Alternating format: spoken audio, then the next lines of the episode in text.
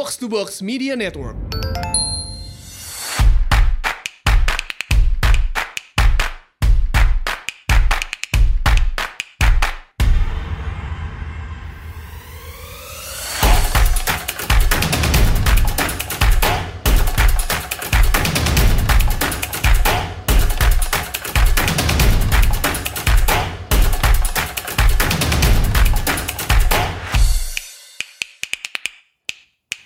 Selamat datang di Asumsi Bersuara dan kali ini kita terhubung dengan Mbak Yeni Kwok, jurnalis uh, yang lama tinggal dan kerja di Hong Kong, yang kemarin juga banyak um, bersuara di Twitter terkait protes yang ter, lagi ter, yang baru-baru ini ramai terjadi di di Hong Kong ya, kalau nggak salah sampai 2 juta orang uh, turun ke jalan untuk untuk protes gitu. Hari ini kita akan bahas uh, banyak soal itu dengan Mbak Yeni. Mbak Yeni, thank you banget waktunya. Welcome to the podcast, Mbak. Ya, terima kasih juga buat undangannya.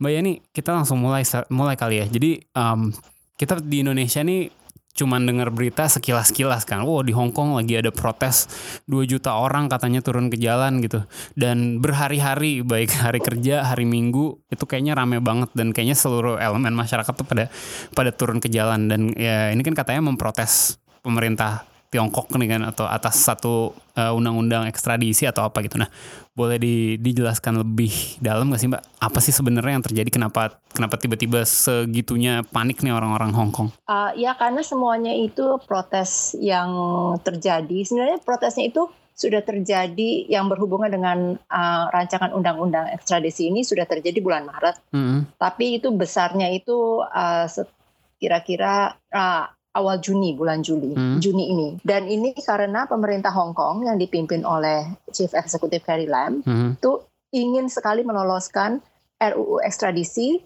yang sebenarnya itu ditentang banyak orang karena hmm. banyak mudaratnya daripada untungnya hmm. dan itu juga ditentang tidak hanya oleh anggota parlemen yang pro demokrasi tapi juga uh, pengacara termasuk juga asosiasi pengacara dan juga bahkan hakim hmm. yang memang mereka itu kan uh, apa bicaranya tanpa me, apa ya tanpa bilang mereka itu siapa tapi secara anonimus, mereka itu bilang ke uh, uh, okay. bilang ke wartawan kalau mereka itu juga nggak setuju. Oke. Okay. Karena masalahnya RUU ini mencakup ekstradisi uh, ke Republik Rakyat Tiongkok atau okay. RRT. Ke mainland ya? Yang iya ke mainland. Hmm. Yang sistem peradilannya itu tidak transparan dan juga tidak independen. Hmm.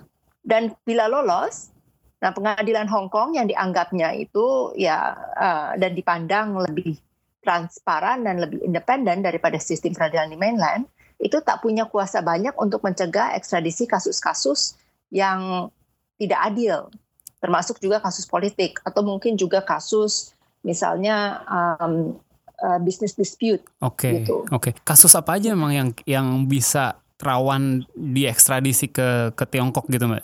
Apakah uh, terkait maksudnya apakah misalnya ada um, protes terhadap Tiongkok atau ada tulisan wartawan misalnya mbak nulis uh, anti pemerintah Tiongkok atau apa lalu akan diekstradisi ke Cina daratan gitu atau atau any kasus bisa gitu? Iya, uh, contoh-contoh yang tadi anda bilang dan juga kasus apa pun. Okay. Jadi um, jadi misalnya kalau uh, saya, uh, saya atau wartawan lain menulis sesuatu yang kritis terus pemerintah Hongkong nggak suka ya bisa aja bilang misalnya mereka itu kan ada delik yang namanya apa ya um, picking uh, apa causing trouble di society gitu okay. nah, itu bisa saja minta pasal-pasal karet gitu. gitu banyak ya mbak? Ya dan nggak jelas itu apa gitu loh okay. dan bisa aja uh, alasannya itu dibuat-buat karena memang peradilannya itu nggak nggak transparan. Jadi dan sebenarnya ini bukan hanya masalah warga Hong Kong saja, tapi mm. juga warga asing mana pun yang kebetulan di Hong Kong, mm -hmm. biarpun misalnya uh, jadi residen atau juga bahkan turis yang kebetulan itu singgah atau transfer di uh, airport Hong Kong, okay. itu beresiko bisa ditangkap dan oh. juga bisa dikirim ke mainland kalau diminta oleh pemerintah di sana. Oke, jadi misalnya podcast ini dianggap uh, anti pemerintah Tiongkok, terus saya berwisata ke Hong Kong, saya juga bisa kena nih, Mbak. Iya. Oke. okay. Benar. jadi memang uh, ini memang jadi bisa jadi masalah internasional begitu. Oke, okay. walaupun walaupun uh, apa pro, walaupun tulisan kritik atau apa pun uh, terhadap pemerintah Tiongkoknya dilakukan bukan di di tanah Hong Kong atau tanah Tiongkok, tapi eh, ketika kita datang ke sana kita bisa langsung kena gitu ya. Ya bisa saja itu terjadi. Ya, Oke. sekarang kita kan nggak tahu gitu gimana. Oke. Dan um, yang saya tahu juga misalnya uh, ada beberapa cerita itu kalau orang itu diadili di Tiongkok, nah itu um, mereka itu nggak punya uh, akses untuk dapat uh, ahli hukum Oke. misalnya atau pengacara. Oke. Kalau misal pun ada juga pengacara juga sangat dibatasi. Nah ini yang memang membuat orang itu sangat takut untuk diadili di sana. Oke, oke, I see. Eh, Mbak Yani boleh ceritakan tentang ini nggak? Jadi eh, kalau yang saya baca ya, itu awal dari awal dari ramai-ramainya RUU ekstradisi ini adalah karena ada kasus pembunuhan di Taiwan ya oleh warga Mm-mm. Hong Kong yang oleh seorang Hong Kong terus orang Hong Kong itu kabur balik ke Hong Kong gitu kan. Terus em, somehow eh, tanpa adanya eh, somehow pemerintah Hong Kong menggunakannya untuk untuk bilang oke kita buat aja RUU ekstradisi biar bisa mengekstradisi orang ini ke Taiwan gitu. Tapi ap- imbasnya jadinya semua orang jadi bisa jadi bisa diekstradisi ke Tiongkok malah gitu. Ini jadi backfire atau atau gimana sih? A- Iya. Awalnya gimana sih? Uh, nah ini kan karena kasus pembunuhan di Taiwan itu kan sebenarnya kasus KDRT. Iya. di mana ya, seorang wanita Hong Kong itu dibunuh oleh pacarnya yang juga warga Hong Kong waktu mereka berlibur di Taiwan. Mhm. Nah kasus ini menyadarkan memang uh, banyak orang kalau tidak ada perjanjian ekstra- ekstradisi antara Hong Kong dan Taiwan. Oke. Jadi pria tersangka pembunuh ini tidak bisa dikirim untuk diadili di Taiwan. Oke. Pria ini sekarang di penjara di Hong Kong tapi untuk uh, atas kasus yang lain yang Nggak ada uh, apa yang ya yang tidak ada hubungan dengan kasus Oh. pembunuhan ini. Oh, dia Jadi tidak- atas pelang tidak dia tidak Oh. pernah diadili diadili Atas uh, kasus itu. pembunuh. Iya, Oh, tapi oke. kayaknya dia itu di penjara uh, atas pelanggaran yang lain.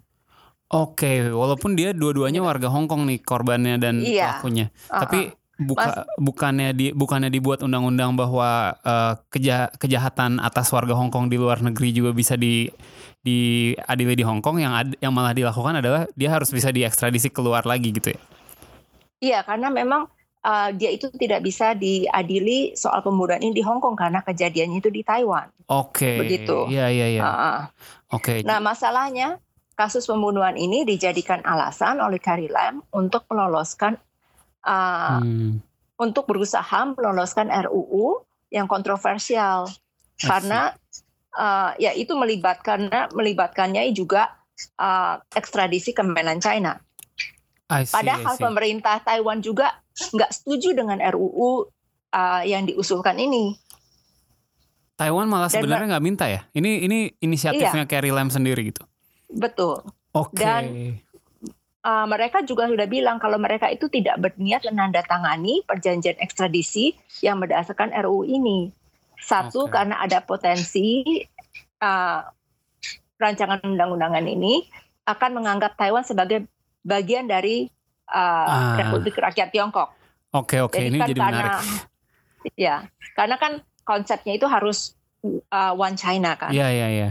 Ya. Jadi Dan dua ada. Iya. Ah, silakan. Iya, em, jadi maksudnya karena jadi nggak bisa dia bikin undang-undang ekstradisi dengan Taiwan tapi nggak dengan Cina daratan karena konsepnya Cina itu satu gitu Taiwan dan da- dan mainland itu dianggapnya satu satu entitas gitu ya. Uh, pokoknya kalau uh, RUU ini ya hanya bisa menganggap hanya ada satu China begitu. Oke oke. Dan- oke. Alasan kedua lagi Taiwan itu menolak karena mereka juga khawatir kalau warga negara Taiwan yang kebetulan singgah atau tinggal di Hong Kong itu bisa saja nanti ditahan dan dikirim ke mainland China. I see. Dan Iya.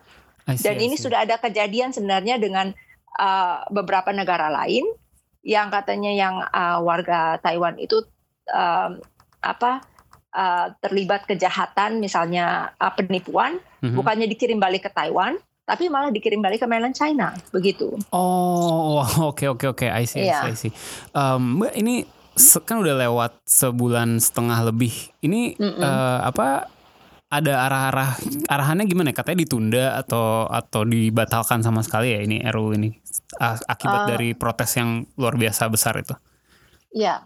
Um, nah karena um, uh, demo yang besar-besaran dan juga sudah melihat itu penolakan besar-besaran dari masyarakat. uh, jadi pada tanggal 15 Juni, Hmm. tiga hari setelah demo uh, berdarah tanggal 12 Juni, Mhm. Carrie Lam itu menyatakan dia akan menangguhkan atau suspend Mhm, RUU tersebut. mhm. Tapi yang diminta oleh uh, para demonstran adalah menarik atau withdraw. Oke, Tapi dia itu masih bersikeras tidak mau memakai kata itu. oke, oke, oke. Uh, dan beberapa minggu kemudian, baru-baru ini dia menyatakan RUU itu sudah mati atau uh, dia ma- kalau kata uh, kata yang dipakai dalam bahasa Inggris Mhm, dalam pernyataannya itu dead Oke, atau mati. Iya. Tapi kata yang dipakai dalam bahasa Cantonese itu uh, sedikit beda artinya. Dalam Oh. arti itu mati secara alami. Jadi dia Oh, tidak oke. mau mengatakan dia akan mematikan. menarik atau uh, uh, Oke, oke, jadi menarik nih. Uh, uh. Oke, oke, Jadi oke. orang itu setelah mendengar itu bakal makin marah. gitu. Karena malah takut, oh ini nanti suatu saat akan bangkit lagi gitu. Iya betul. Oke oke, Mbak uh, Ah, ah. mau na- mau nanya se- uh, ter- terkait protes yang yang sampai 2 juta ini, 2 juta, 2 juta orang ini katanya ini um, apakah purely terkait RUU ekstradisi itu atau apakah ini juga ada ada bagian kayak sentimen negatif terhadap mainland gitu dari warga warga Hong Kong karena kan kalau yang saya tahu banyak orang Hong Kong tuh kurang senang gitu lah dengan orang mainland ada nggak sih uh, Uh, hubungan dengan itu atau purely politics? um, yang menariknya kemarin itu kan sempat juga ada protes di uh, Kowloon Mhm. yang melewati um, uh, tempat-tempat shopping yang banyak dikunjungi turis dari mainland. Bahkan Hmm. tadinya juga mereka itu juga mau demo di West Kowloon Station Mhm. yang apa terminus uh, kereta dari mainland. Mhm. Karena mereka itu ingin uh, apa ya mengajarkan edukasi dan juga mengajak para warga di, uh, dari mainland kenapa mereka itu menentang RUU ini dan juga mungkin juga mengajarkan oh kita ini bisa demo loh di sini begitu. Jadi mengajarkan seperti prinsip demokrasi. Oke. Dan mereka oke. itu bahkan um, sampai meneriakan yel-yel dalam bahasa Mandarin bukan bahasa Cantonese. Oh, justru untuk supaya didengar oleh eh, orang-orang di mainland ya. Iya betul. Ha-ha. Oke oke. Eh eh, Mbak Yani kemarin saya ingat waktu lagi ribut-ribut ini Mbak Yani ada sempat ber apa eh, sempat ngegas dikit ke ada ada so- satu akun Twitter apa ya saya bahkan lupa Eh, yang ada konspirasi teori gitu bang yang katanya ini digerakkan Amerika lah atau apa itu emang ada ad- apa konspirasi teori kayak gitu banyak ya beredar atau atau hanya hanya di Indonesia aja tuh Uh, cukup banyak Hmm. terutama di antara mereka yang uh, pro pemerintah Hong Kong dan pro Beijing. Oke. Dan mem- mungkin juga datangnya itu dari sana. Oh, Gitu. oke. Hmm. Itu justru dari dari jadi itu le- lebih dari dari pemerintah Tiongkok uh, uh, yang menyebarkan kayak gitu atau kalau berita-berita di sana seperti kan pasti ada dong koran-koran ya pro pro Tiongkok atau gimana ada ada uh, mereka kayak kayak gimana me- menarasikan menarasikan ya, hal ini Mbak. Ya mereka juga uh, mereka itu memberikan pernyataan yang apa yang sejalan dengan apa yang dikatakan oleh pemerintah uh, Tiongkok. Mhm. Jadi kalau misalnya uh, apa ya um, kayak pemerintah uh, Amerika atau pemerintah luar negeri itu uh, campur tangan atau ada yang namanya foreign forces gitu Hmm. uh, apa um, uh, gerakan luar dari luar negeri yang ikut um, campur tangan atau juga uh, atau juga menggerakkan gerakan uh, demo di Hong Kong. Oke, oke, oke. Uh, uh.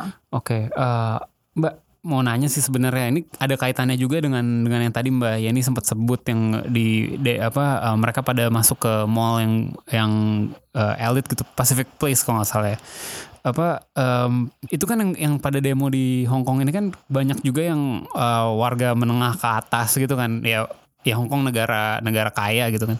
Ini orang-orangnya pada em, mereka sehari-harinya bangkir, sehari-harinya kerja di sektor keuangan segala macam, tapi bisa semua turun seperti itu uh, sampai segitu banyak orang. Itu gimana cara mereka mengorganisnya ya? Karena karena kita di sini kan ka- kagum dan takjub gitu. Oh, biasanya kita lihat di sini yang yang sering berdemo siapa? Di sana justru orang-orang yang yang notabene menengah atas gitu hidupnya hidupnya mungkin udah nyaman tapi bisa gitu turun ke jalan dengan segitu terorganisnya.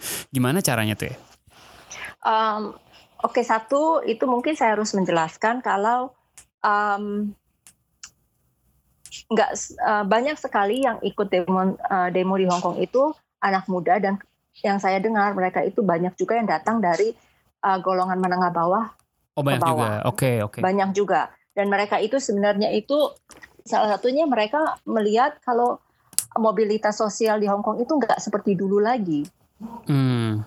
Jadi um, ongkos kehidupan terus naik, sedangkan kalau uh, gaji itu stagnan.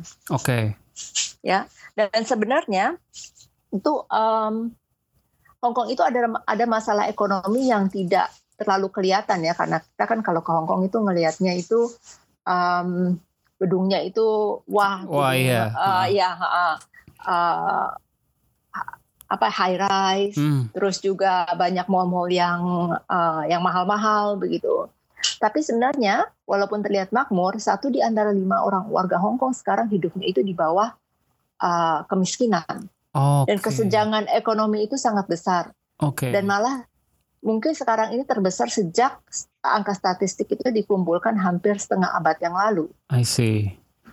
Begitu. Jadi banyak orang di sini merasa pemerintah Hong Kong itu um, bukannya bertanggung jawab ke rakyat, tapi mereka itu kayaknya lebih ingin menyenangkan apa yang dibilang oleh pemerintah Beijing dan salah satunya karena pemilihan chief eksekutif ini yang tidak demokratis. Sekarang ini yang beda antara uh, demo anti ekstradisi dengan demo umbrella movement tahun 2014. Hmm. Sekarang itu um, uh, demo yang yang terus-terusan ini sebenarnya itu nggak ada pemimpin yang jelas. Hmm. Jadi yang dibilang mereka itu leaderless movement.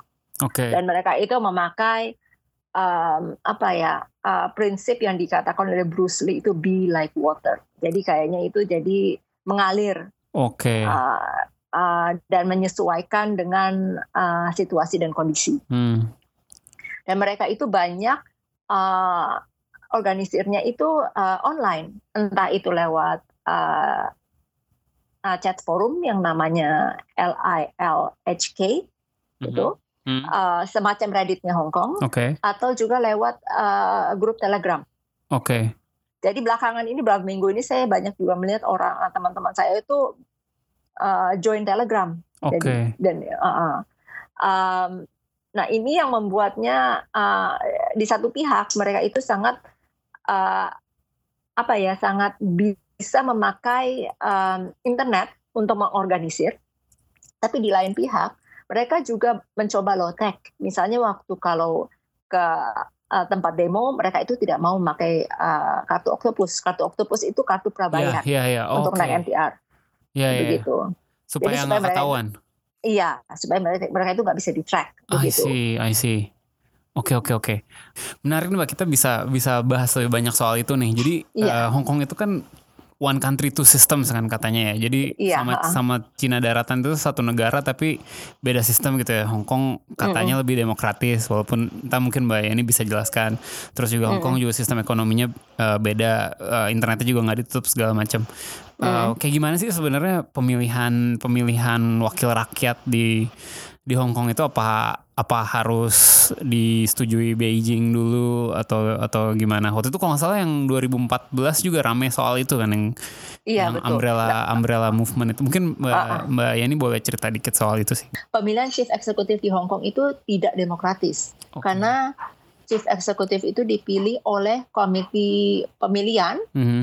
dalam bahasa Inggrisnya itu uh, election committee yang mm -hmm. terdiri dari 1.200 orang anggota. Hmm. Dan kebanyakan dari uh, anggota ini itu dari sektor bisnis. Hmm. Atau bisnismen dan orang-orang yang dekat dengan Beijing. Yeah. Misalnya mereka yang menjadi delegasi Hong Kong ke National People's Congress di mainland. Oke, okay. iya. Yeah. Uh, dan selain itu, sebenarnya hanya tiga kandidat yang bisa di-approve oleh komite ini.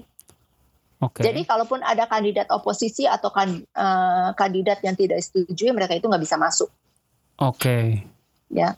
Dan kalau uh, kalaupun ada juga yang bisa masuk, tapi uh, ultimate choice pemilihan akhir itu mereka uh, banyak dari mereka itu mendengarkan apa yang Beijing mau.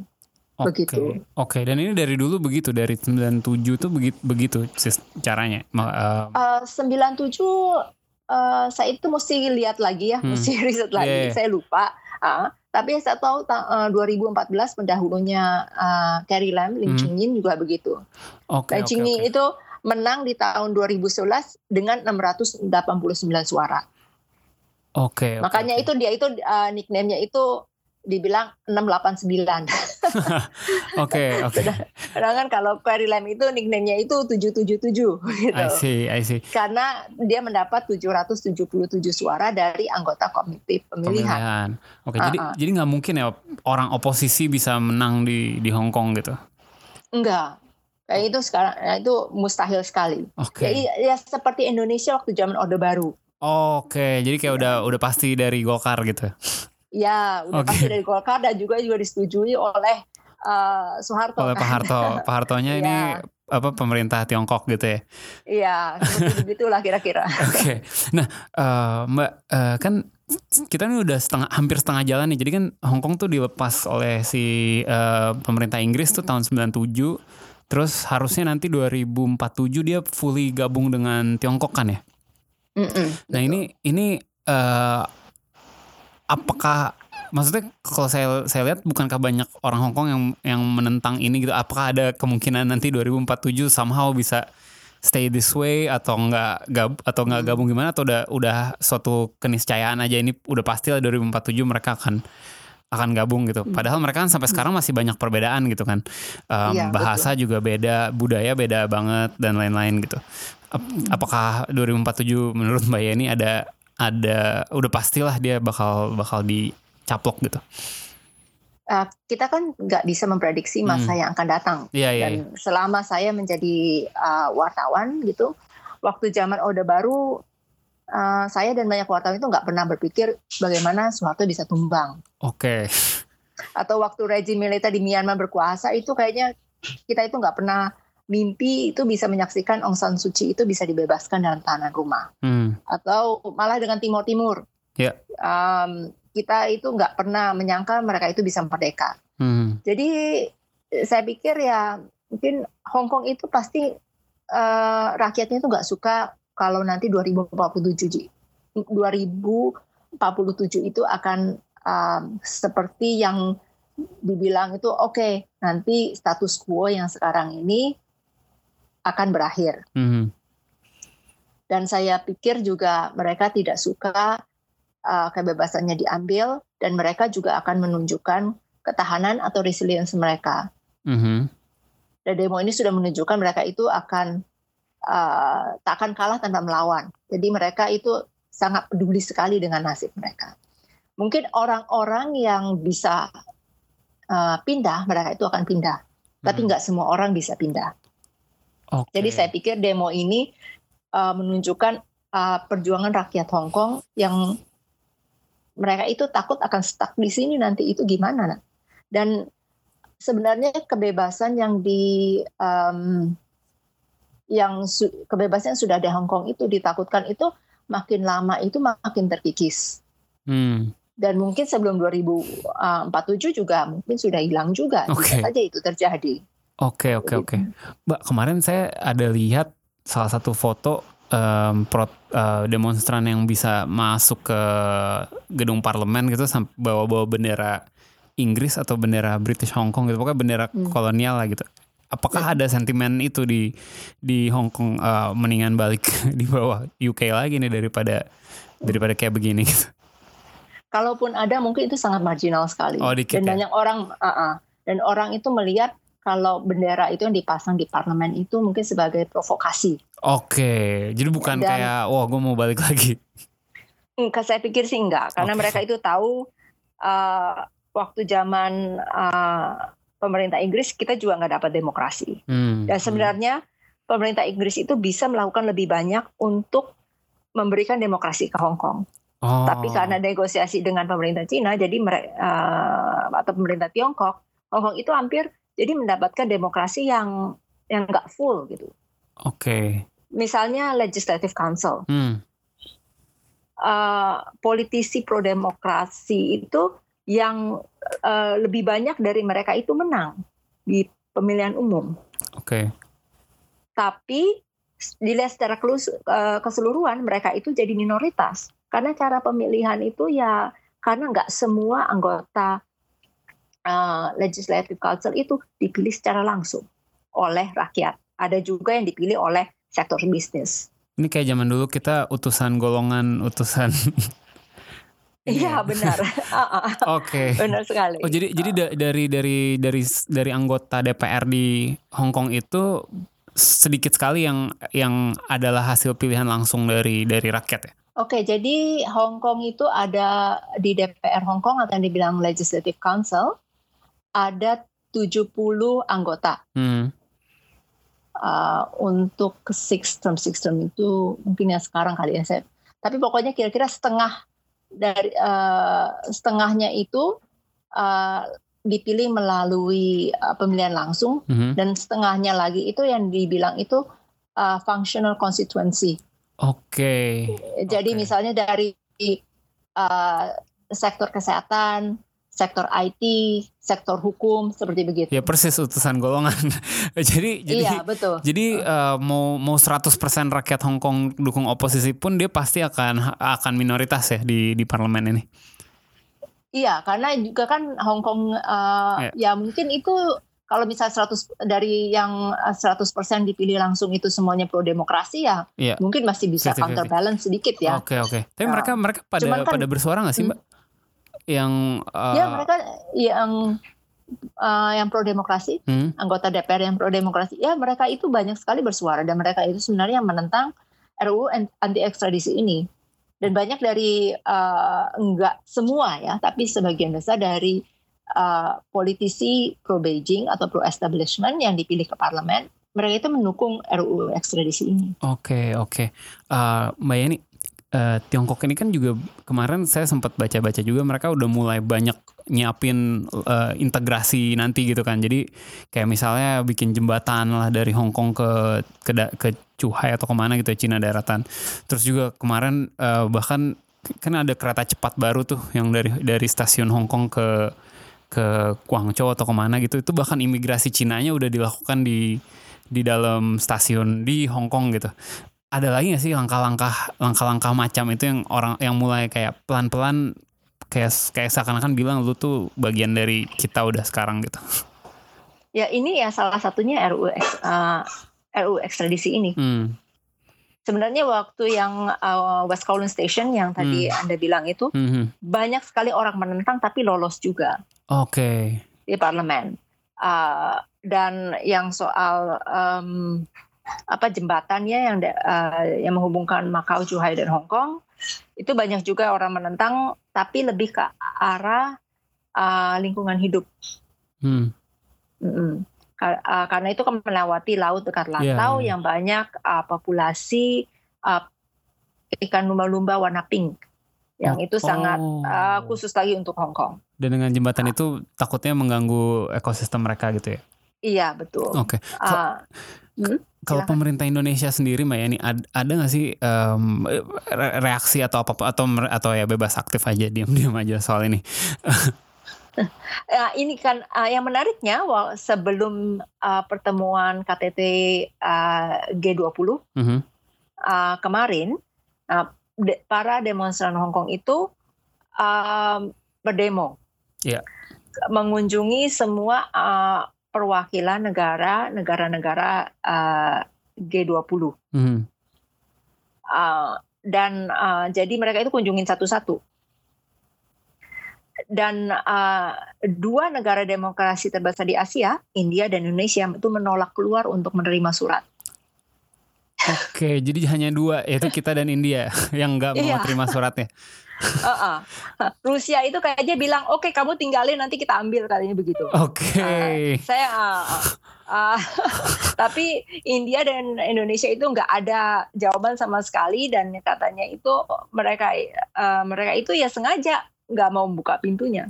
Oh, karena takut melukai perasaan Tiongkok kah gitu kita? Saya nggak tahu.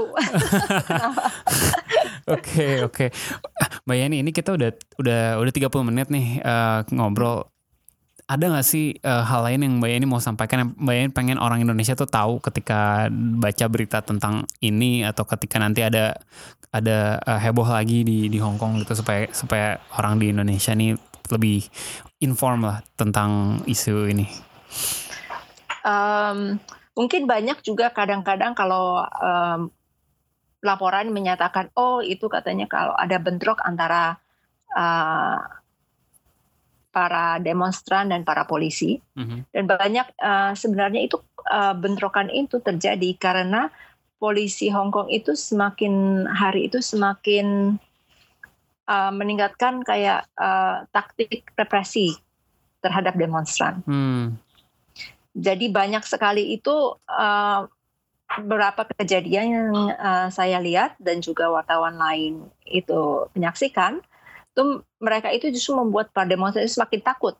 Misalnya mereka itu bukannya uh, control untuk membubarkan demonstran, tapi mereka itu juga sengaja memperangkap demonstran. Jadi banyak itu kejadian di mana itu demonstran itu jadinya uh, jadi itu terlihat itu menyerang balik itu ya karena mereka itu seperti uh, terpojok. Kayak misalnya kemarin itu uh, demo di uh, di Satin, akhirnya itu kan jadi uh, bentrok antara demonstran dan polisi di shopping mall New Town Plaza karena yeah. mereka itu terjebak dan mereka itu nggak bisa lari ke mana-mana. Iya. Yeah. Begitu. I see, I see, I see. Oke, okay, oke, okay, oke. Okay. Mbak ini thank you banget nih atas uh, waktunya di sela kesibukannya uh, ngobrol sama kita dan menjelaskan soal Hong Kong dan Tiongkok ini uh, ke ke kita di Indonesia yang supaya lebih paham lagi lah tentang tentang isu ini. Iya, terima kasih juga buat uh, undangannya untuk ngobrol. Oke, okay. thank you banget uh, sekali lagi uh, uh, untuk udah dengerin. Sampai jumpa lagi di Asumsi Bersuara edisi berikutnya. Jangan lupa follow Asumsiko, follow Box to Box ID, follow at Yeni Kwok ya mbak. Di Twitter, di ya, Twitter, iya, di Twitter. Hmm. Follow at Rayastu juga. Terima kasih uh, sekali lagi. Sampai jumpa hari Selasa depan. Ciao.